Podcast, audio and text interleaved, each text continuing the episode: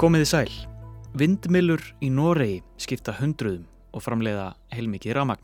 Árið 2021 var samanlögð raforku framleiðsla þeirra 63 vindmilu garda sem finna má í Noregi rúmar fjórar teravatstundir samkvæmt statkraft eða tæplega fjórðungur af orku framleiðslu allra virkjana á Íslandi.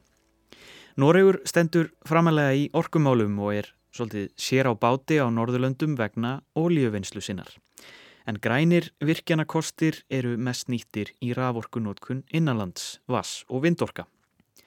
Vindorkuverum fjölgar mjög hratt þar í landi sem og víða annar staðar, en hefur farið öfugt ofan í söma og það er ekkert allir sáttir við þessi mannvirki og þá helst hvar þau eigi að reysa. Um mánaðamótin februar-mars var vindmilum sem reistar voru í þrændalögum í Noregi mótmælt þar sem þær standa hluta til í landi sama og samkvæmt úrskurði hæstaréttar í Noregi frá 2021 eru vindmilunar ólöglegar. Ég heiti Jóhannes Ólafsson og í þetta helst í dag fjalla ég um vindmilu deilur í Noregi.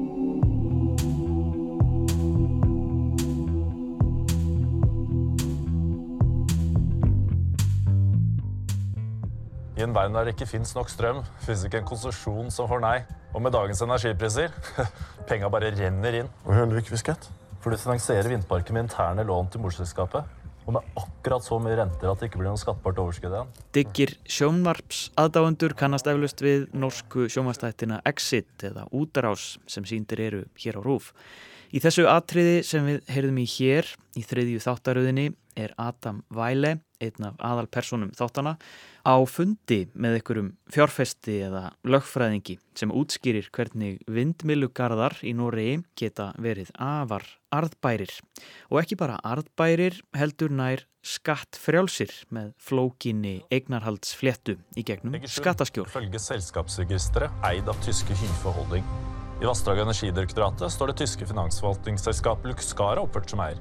Fjármagnir þú vindmilugarðin með innherjaláni til móðurfyrirtækisins og með akkurat réttum vöxtum þá er þetta skattfrjálst. Ég fann upplýsingar um Egersund. Samkvæmt fyrirtækiskrá er Egersund í eigu hins þíska Hæfe Holding. Samkvæmt Vass og Orkustofnun er eigandin þíska fyrirtækið Luxcara. Sér grafið dýbra í þísku fyrirtækiskrána dúka tvö önnur fyrirtæki upp sem stopnendur Luxcara eiga að fullu. Og málið flækist. Vindmilugarðurinn var alls ekki fjármagnaður af þessum fyrirtækjum heldur af fyrirtæki í Luxemburg sem er læst í fyrirtækiskráni. Það veit engin hverjir fjárfestarnir eru. Þetta verður hvergi skattskilt næsta áratugin, allt fyrir landi í formi vaksta. Hreint, skattfrjálst, peningaflæði, úrgrætni, orku. Altså, Ikke det neste tiåra, og ikke noe annet land heller. Alt går ut av landet som renter. sant? Ren, ubeskatta cashflow fra grønn energi. Þetta er svona nokkurt nöginn það sem að maðurinn sagði Adam í atriðinu og þetta hljómar auðvitað ævintýralega flókið í eirum þeirra sem eru ekki á kafi í viðskiptalífinu en það er leikurinn ymmit til þess gerður að fela slóð eignarhalds og peninga. Þetta er ein af mörgum svikamillum sem þeir félagar í Exit standa fyrir. Þeir eru jú siðlausar andhetjur þáttana, svífast einskis fyrir gróða og til að skara eldað eigin köku. En þrátt fyrir að vera bara leikin sjómansþáttur eru þættirnir sagðir byggðir á raunverulegum frásögnum um það byrj 70% að sögn framleiðenda þáttana.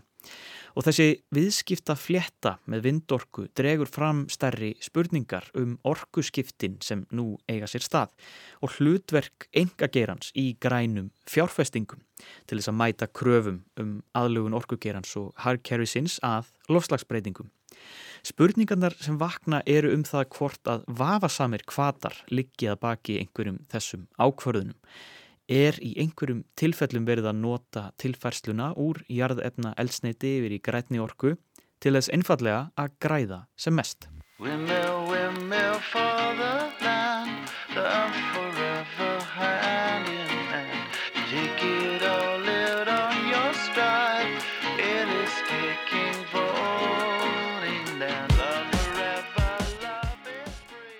Norðmenn eru afar hrifnir af vindorku sem virkjana kosti og teljana álíka arðbæra og vassorku.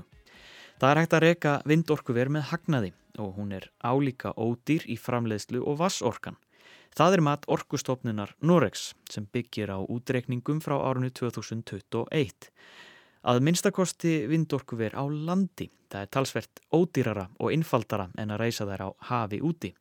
Þar sem er eftir vil meiri vilji almennings fyrir að hafa þær, einfallega vegna þess að þær valda minna raski. Það vil ekki allir að sjóndeldarhingurinn sé þakin vindmilum hvert sem litið er.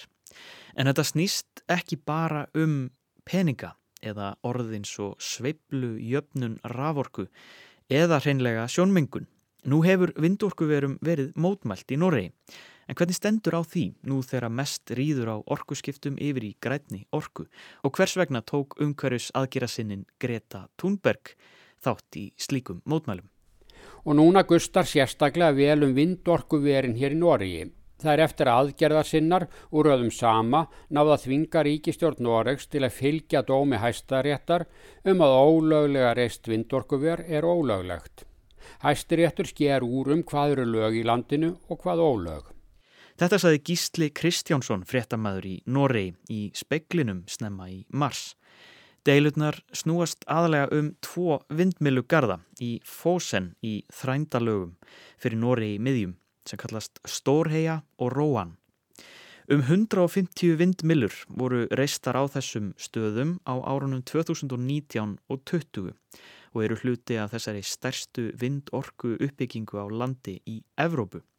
Í oktober árið 2021 úrskurðaði hæstiréttur Noregs að vindmilugararnir væru ólöglegir þar sem þeir skaði beitiland hreindýra og að þau brjóti bága við alþjóðasáttmála um borgarleg og pólitísk réttindi gagvart sömum Í 2007. grein sáttmála saminuðu þjóðana segir að ríki megi ekki skerða rétt minnihlutahópa frumbyggja þjóða til þess að njóta eigin menningar, trúar eða tungumáls. Hreindýra búskapur er meðal verndaðs menningar arfs sama. Það mati hæstaréttar Noregs, búskapur sem þeir hafa stundað öldum saman. Mörgum mánuðum setna hefur ekkert gerst í þessu máli og mótmæli voru skipulögð við ólíu og orkumála ráðuniti Noregs. I always thought that Greta Thunberg's spirit animal, it must be the unicorn. Greta Thunberg á samt hópi fólks sem berst fyrir auknum lofslagsaðgerðum og réttindum fólks af samískum uppruna mótmælti byggingu þessa stærsta vindorkuvers í Evrópu.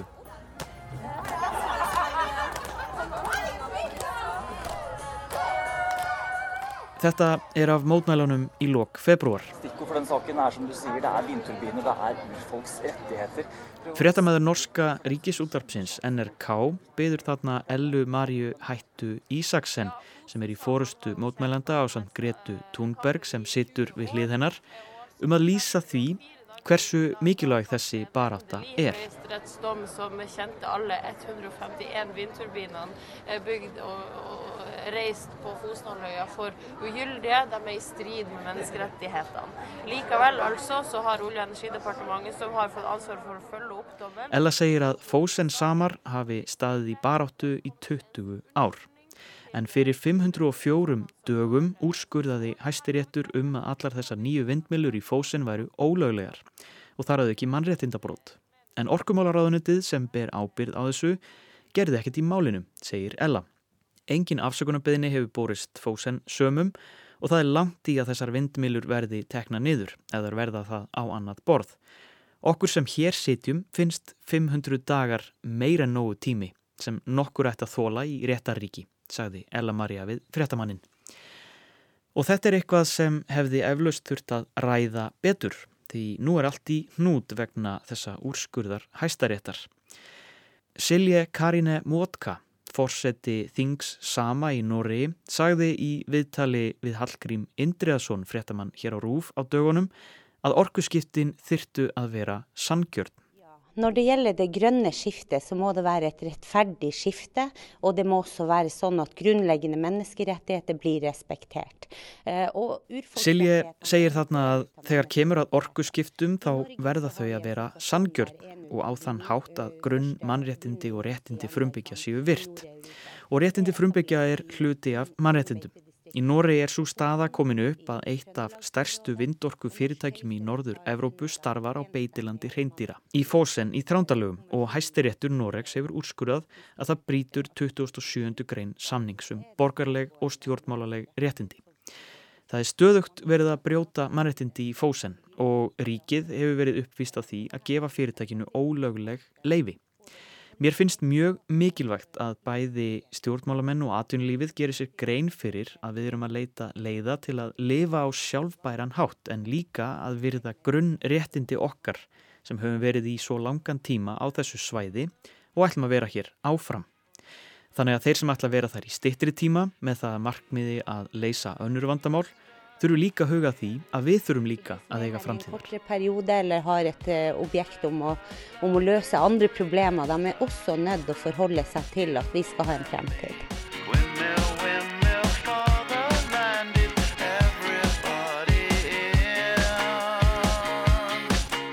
En hverjir eru samar? Fáir hafa rannsakað þjóðir og þjóðarbrót Evrópu jafn mikið og sakfræðingurinn Þorleifur Fridriksson sem árið 2016 gaf út bókina Huldu þjóðir Evrópu ferðum framandi samfélög. Strax í fyrsta kabla bókarinnar er fjallaðum sama og þar segir tilvitnun hefst Heimkynni sama eru í norður héruðum Noregs, Svíþjóðar, Finnlands og Kólaskaga í Rúslandi. Þótt heimkynni þeirra ná yfir fjögur ríki tala þeir um eitt land sama, Sápmi, tilvitnun líkur. Ekki er alveg vita nákvæmlega hvernig og hvenar forfeður og formæður sama komu fyrst á þær slóðir þar sem þeir búa nú en þarna hafa þeir að minnstakosti verið í ár þúsundir. Það er líka erfitt að segja nákvæmlega hversu margir samarnir eru en samkvæmt því sem Þorleifur segir í bóksinni þarna árið 2016 eru um 50 til 65 þúsund samar í Norei og það er lang fjölmennasta byggð sama á eftir Svíþjóð og Finnlandi en fæstir búa í Rúslandi. Samísk tunga er finsk-úgríst tungumál og er því náskilt finsku, ungversku og eistnesku. Sú mynd sem við höfum af sömum, skrifar Þorleifur, í litrikum þjóðbúningi við tjöldsinn og reyndýrahjarðir er ekki allsendis raung en hún er stöðluð og nær í bestafalli yfir lítið brot þjóðarinnar. Samar hafa vissulega lengi stundað reyndýraræktun í bland við veiðar en nú hafa margir hætt hyrðingjalífinu og tekið upp nútímalega lífsætti og stunda aðra atvinnu svo sem sjáarútveg, hefbundin landbúnað eða þjónustustörf. Samskipti sama við nágranna þjóður sínar hafa oft einkennst af jæðarsetningu og fordómum allt aftur í aldir og hefur það breyst frekar hægt. Í höldu þjóðum Evrópu skrifar Þorleifur til utan hefst bara átta sama fyrir bættri réttastöðu og eblingu menningar sinnar hefur tekið tíma en skilað árangri. Þetta á ekki aðeins við um réttarstöðu þeirra innan stjórnsíslu, heilbreyðistjónustu og í menta og menningamálum Viðhorf fólks gagvart menningu þeirra hefur mjög breyst frá fordómum til forvitni, tilvitnun líkur. Og það er þessi aldagamli núningur sem kraumar undir í þessum vendingum í vindmilu uppbyggingu í Noregi. Enda þótt samfélagið hafi breyst til batnaðar í samskiptum sama við aðrar þjóðir, þá er það ljóst að innviða uppbygging, sama hvort hún sé hluti af grænum orkuskiptum eða ekki, sem raskar náttúru eða lifnaðarháttum fólks á einhvern hátt, opnar á ný umræðu um að gengið sé á rétt og fríðhelgi þessarar þjóðar sem lengst af hefur verið ítt til hliðar. Og þessu vindmilumáli í þrændalögum er hverginari lokið. 18. mars síðastliðin byrtist frétt á VF Ríkisútarpsins þar sem fram komað norskir reyndýraræktendur, samar, væru opnir fyrir því að ganga til samninga við Fossen Vind fyrirtækið sem að bera ábyrða á þessum vindmillum og leifa vindorku verunum umdeldu að standa. Í það minsta tímabundið en þó ekki í þau 25 ár sem upphálega var samið um og það sem hæstiréttur hafði felt úr gildi. Hvað svo sem gerist næst í þessari baráttu getur tímin einn leitt í ljós. Ég heiti Jóhannes Ólafsson og norskar vindmilur voru helst hjá mér í dag. Takk fyrir að hlusta og verið í sæl. If you are the dealer, I'm out of the game. If you are the healer, means I'm broken and lame. If thine is the glory, then mine must be the shame. You want it darker. We kill the flame.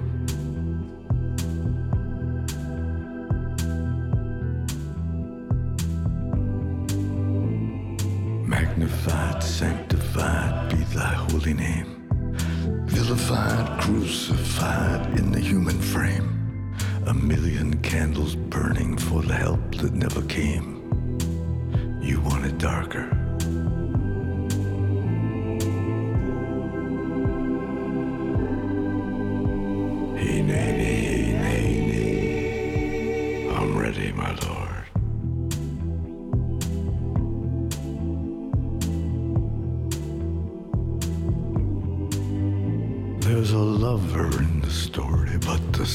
Still the same. There's a lullaby for suffering and a paradox to blame. But it's written in the scriptures and it's not some idle claim. You want it darker. We kill the flame.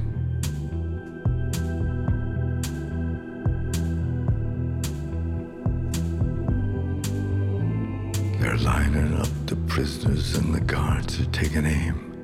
I struggled with some demons, they were middle class and tame. I didn't know I had permission to murder and to maim. You want it darker.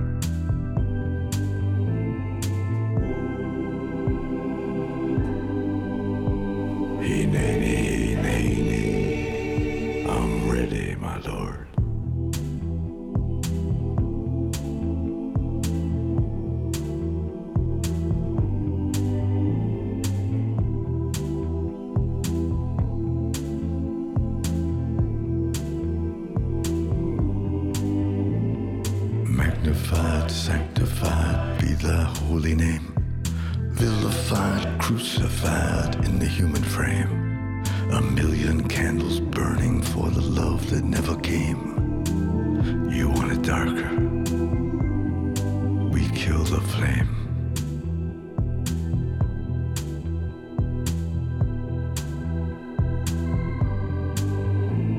If you are the dealer, let me out of the game. If you are the healer, I'm broken and lame.